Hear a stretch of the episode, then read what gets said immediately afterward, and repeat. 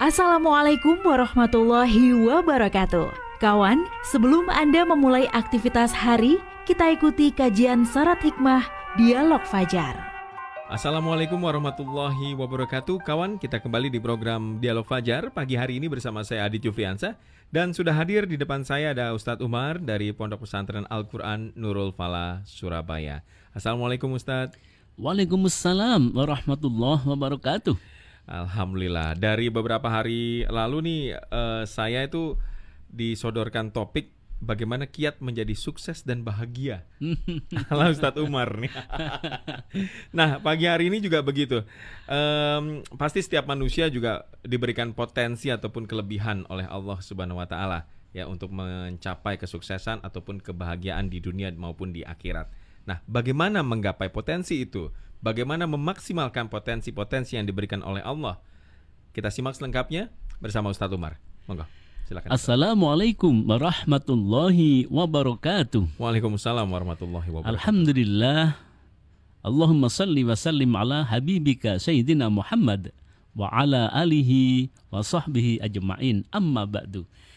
Ya kawan, diskusi kita pagi hari ini bagaimana kita bisa memanfaatkan lima potensi yang ada dalam diri kita untuk menggapai prestasi.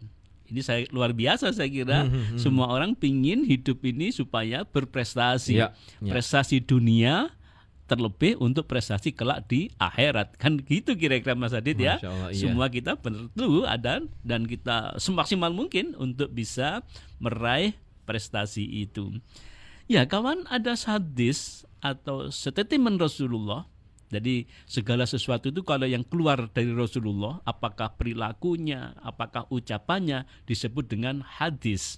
Ya. Jadi ada hadis atau statement Rasulullah ini menyampaikan kata beliau begini, Igtanin homsan qabla homsin syababaka qabla haramik wasihataka qabla sakomik waginaka qabla fakrik wa farogaka qabla wahayataka qabla mautik.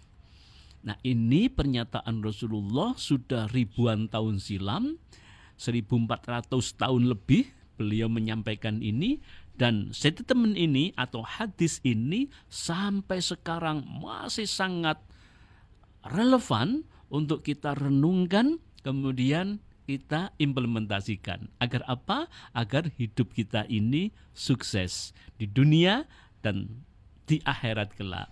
Apa itu kata Rasulullah? Kata Rasulullah artinya manfaatkanlah lima perkara sebelum datangnya lima perkara. Nah, ini Rasulullah kan kalau apa e, menyampaikan sesuatu itu pasti berbobot Mas Adit. Hmm, hmm. Kadang-kadang cuma sedikit tapi wah luar biasa isinya. Apa man kalau di hadis itu namanya matannya ya hmm. inti apa namanya kalau di psikolog apa psikol uh, kalau di uh, komunikasi itu namanya pesannya misiknya hmm, nah, kira-kira begitu ya. iya, misiknya iya. tuh luar biasa dan ini uh, pasti yang lima hal ini dialami atau ada dalam diri kita dan semua mengalami apa yang lima hal ini yang tadi dikatakan pertama ada lima perkara yang harus kita lakukan, manfaatkan sebelum datangnya lima perkara, yaitu yang pertama waktu mudamu sebelum datangnya waktu tuamu. Nah, siapa yang nggak pernah muda? Pasti yang namanya manusia ada pernah muda, kemudian lambat laun, lambat laun, lambat laun, kemudian akan berwarna putih. Apa? Saya lima tahun yang lalu ketika ketemu Mas Adit ini apa Mas? E, jambangnya hitam, itu masih jambang hitam ya? itu. Ini saya sudah putih lagi nih sekarang udah putih ada lima tahun yang lalu saya ketemu pertama itu belum belum nggak ada, ada putihnya iya. iya masya Allah jadi pastilah kita melalui yang namanya masa muda kemudian kemudian masa tua, uh, tua. Hmm. nah kata Rasulullah gunakan maksimalkan masa mudamu sebelum datangnya waktu tuamu nah kawan gimana sekarang kita sudah terlanjur tua ini ya paling tidak ya untuk eh, apa anak-anak kita, adik-adik kita lah kira-kira gitu bagaimana kita bisa memotivasi mereka membimbing anak-anak kita Ya. ketika masih muda itu. Nah, gimana untuk bisa memaksimalkan untuk apa? Untuk menemukan talentanya. Hmm. Kata Sayyidina Ali, barang siapa yang sering melakukan sesuatu, maka dia ahli sesuatu. Jadi kalau bahasa sekarang ini anu Mas Adit, apa namanya? eh, apa keahliannya itu Ya. apa gitu kira-kira ya. Eh, jadi Ali radhiyallahu an mengatakan barang siapa yang sering melakukan sesuatu maka dia ahli sesuatu. Kalau Mas Adit sejak muda ini karena sering bergelut di bidang eh, entertainment begitu kan ya. di bidang eh, Suara. komunikasi suara, maka orang akan mengatakan, oh Adit itu ahli suara itu Ahli itu, suara. ahli public speaking kira-kira begitu, karena sudah dibangun sejak Iya, waktu iya. muda. Nah inilah sangat penting punya ekspor, punya keahlian. Maka bagaimana kawan, khususnya yang mungkin pagi hari ini ada yang masih muda-muda, maka maksimalkan ketika muda ini belajar sebanyak-banyaknya walaupun hidup ini memang tidak selalu linier. Iya. Ketika muda pinginnya ini ini ini ternyata ketika pada eh, saatnya apa yang diinginkan dulu itu tidak terjadi. Hmm. Berarti apa? Ketika masih muda mesti harus banyak talenta yang dibangun pada dirinya.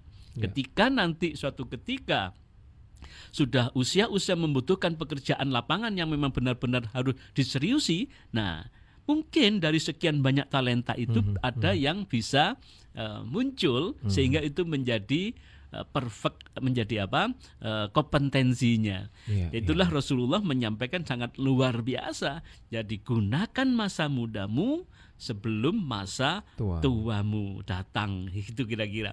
Kemudian yang kedua, waktu sehatmu sebelum datangnya waktu sakit. Nah, ini Rasulullah menyampaikan. Oh, nikmat yang luar biasa itu setelah nikmat iman, Mas Adit kan ya. Setelah kita punya iman, karena dengan iman ini hidup terbimbing, hidup ini bisa punya wawasan panjang, bukan hanya wawasan dunia saja. Orang yang beriman itu punya wawasan sampai di akhirat, dia punya ilmunya karena iman itu nikmat. Yang kedua adalah nikmat sehat. Berapapun hartanya, tapi kalau sakit-sakitan ya nggak bisa menikmati. Pengen apa ini itu. Kalau tapi dibatasi ya nggak bisa. Iya, nggak bisa karena apa kondisinya tidak sehat. Maka Hmm. kata Rasulullah, gunakan waktu sehatmu sebelum datangnya waktu sakit. Karena waktu sakit biayanya mahal dan kita tidak bisa apa-apa. Maka kawan, mumpung kita punya waktu sehat ini kita gunakan dengan semaksimal mungkin Ya. untuk menggapai cita-citanya dan termasuk juga bagaimana merubah hidup kita hidup untuk akhiratnya jangan Mhm, sampai dilupakan. Dunia oke akhirat juga harus oke. Nah ketika masih sehat itulah kita bagaimana memanfaatkan sebanyak sekuat-kuatnya. Yang berikutnya kata Rasulullah waktu kayamu sebelum datangnya masa kefakiranmu ini kawan, kadang-kadang kita nggak terasa ya, seolah-olah harta ini terus melekat pada kita. Enggak ternyata. Ada saja cara-caranya, masalahnya ketika Allah sudah menghendaki harta itu lepas dari diri kita. Iya. Contoh sudah sangat banyak yang kemarin kaya, tiba-tiba ada pandemi, semuanya menjadi jatuh. Kemarin kaya banyak apa eh, tabungannya, tiba-tiba ada musibah gempa. Yang barusan kita lihat, masya Ya, Allah di Turki kayak begitu. Belum ya nggak sejauh-jauh lah ya di di apa Negara sekitar kita. kita. Kemarin apa begitu kena dampak bencana habislah harta itu. Jadi kata Rasulullah, gunakan waktu kayamu sebelum datangnya masa kefakiranmu. Kawan, memang tidak mudah untuk nafkahkan, menyalurkan harta itu untuk kegiatan-kegiatan sosial, untuk kegiatan-kegiatan amal memang Hmm. tidak mudah. Tapi ingatlah bahwa ketika kita masih mumpung masih punya harta ini, maka mari kita sisihkan sebagian untuk ditasarufkan untuk kegiatan-kegiatan bagaimana agar agama ini semakin berkembang dengan baik, bagaimana kita punya jiwa sosial kepada masyarakat yang membutuhkan sehingga mungkin satu ketika harta itu harus beralih dari kita, kita sudah memanfaatkan dengan sebanyak-banyaknya, semaksimal mungkin. Karena sekali lagi, harta yang kita miliki itu sifatnya sementara. Berikutnya kata Nabi, gunakan masa luangmu sebelum datangnya masa sibukmu. Nah, ini kawan penting sekali ini. Bagaimana kita memanage waktu ini dengan sebaik-baiknya. Kadang-kadang kita ini waktu kita itu sebenarnya ketika masih apa eh, suka menunda-nunda pekerjaan. Gitu kan ya kawan? Jadi, ntar aja, ntar aja. gitu. Nah, kemudian numpuk lah gitu kan lah. Ketika numpuk sudah nggak nggak sempat lagi kita melakukan sesuatu. Iya. Nah maka gunakan masa luangmu sebelum datangnya masa sibukmu. Nah maka ini mengajarkan kepada kita itu Rasulullah agar hidup ini penuh dengan perencanaan. Hmm. Ada rencana, ada time schedule yang baik sehingga pekerjaannya tidak geradakan. Iya. Nah, kalau pekerjaan itu selalu ditunda-tunda, kemudian pada masanya saatnya harus selesai, wah, maka yang terjadi adalah terburu-buru. Ketika pekerjaan dengan terburu-buru, maka yang terjadi adalah kualitasnya akan menurun. Benar. Tapi kalau pekerjaan itu dilakukan dengan perencanaan yang baik, kemudian ditambah dengan Mhm, kesungguhan, maka hasilnya akan berkualitas. Nah, itulah pesan Rasulullah, gunakan masa luangmu sebelum datangnya masa sibukmu. Berikutnya, gunakanlah hidup sebelum datangnya matimu. Nah, ini semua saya kira ya. Kalau yang ini semua akan menghadapi apa yang disebut dengan kematian. Rasulullah mengajarkan kepada kita, gunakanlah hidup kita ini sebelum datangnya kematian. Ya kawan, apalagi bagi mereka-mereka yang sekarang sudah usianya 50 tahun ke atas. Saya nggak tahu Mas Adit berapa ya? Nah itu dia makanya. Salah kalau saya sudah hampir 60 Mas Adit ini Mas Adit Masya Allah Jadi kalau 60 itu kira-kira tinggal berapa persen ini ya.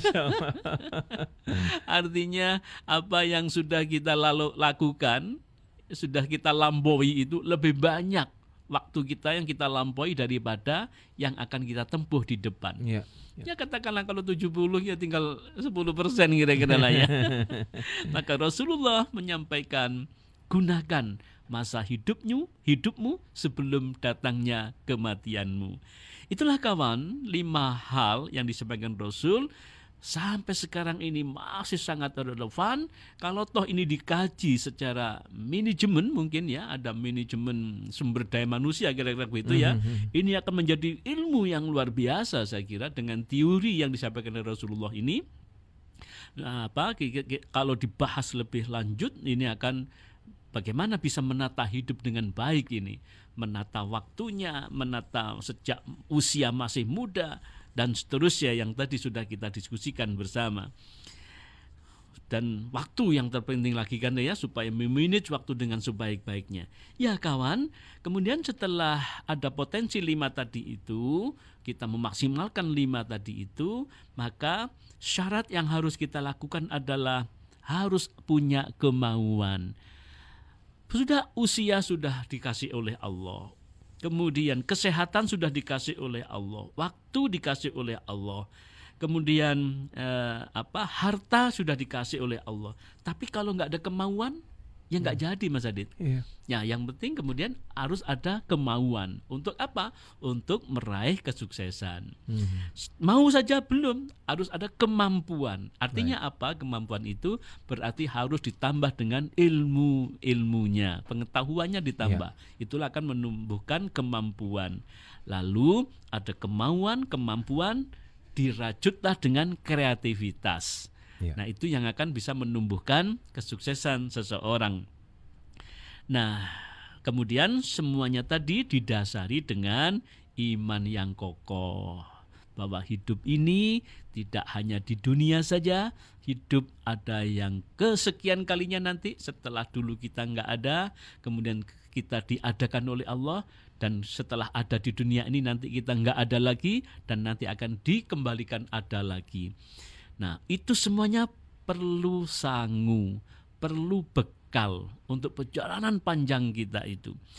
Nah, maka kawan, di samping imannya kokoh, tambahlah dengan ilmu yang mendukung untuk kesuksesan. Saya tidak tahu apa yang akan ditekuni oleh kawan sekalian. Nah, kemudian dari situ di implementasikan dalam kehidupan sehari-hari. Maka Allah Subhanahu wa taala menyampaikan dalam Al-Qur'an, "A'udzubillahi minasyaitonirrajim. Faman kana yarju liqa'a rabbih falyamal amalan sholiha wala yusyrik bi ibadihi rabbih ahada." Wala yusyrik bi ibadati rabbih ahada. Barang siapa yang mengharap perjumpaan dengan Tuhannya, maka hendaklah ia mengerjakan amal yang soleh dan jangan sampai mempersekutukan seorang pun dalam beribadah kepada Tuhannya. Surat Al-Kahfi. Intinya kawan, yang saya bilang tadi bahwa hidup ini bukan akhir sekarang ini, masih ada perjalanan panjang dan nanti setiap manusia akan bertanggung jawab dan akan bertemu dengan Allah Subhanahu wa taala. Syaratnya untuk bisa bertemu dengan Allah Subhanahu wa taala kita dianjurkan atau diperintahkan untuk berbuat yang amal yang baik. Amal yang baik itulah yang disebut dengan amal yang berkualitas. Ya, mudah-mudahan kawan kita bisa mengamalkan Al-Qur'an tadi dan kita bisa mengimplementasikan potensi-potensi yang ada dalam diri kita. Baik, terima kasih Ustadz luar biasa sekali. Semoga kita em, ini semacam disentil ini dengan apa yang disampaikan oleh Ustadz Umar pagi hari ini. Dan kita ketemu di lain kesempatan lagi kawan di program Dialog Fajar masih bersama saya Aditya Friansa dan sukses untuk Anda semua. Wassalamualaikum warahmatullahi wabarakatuh.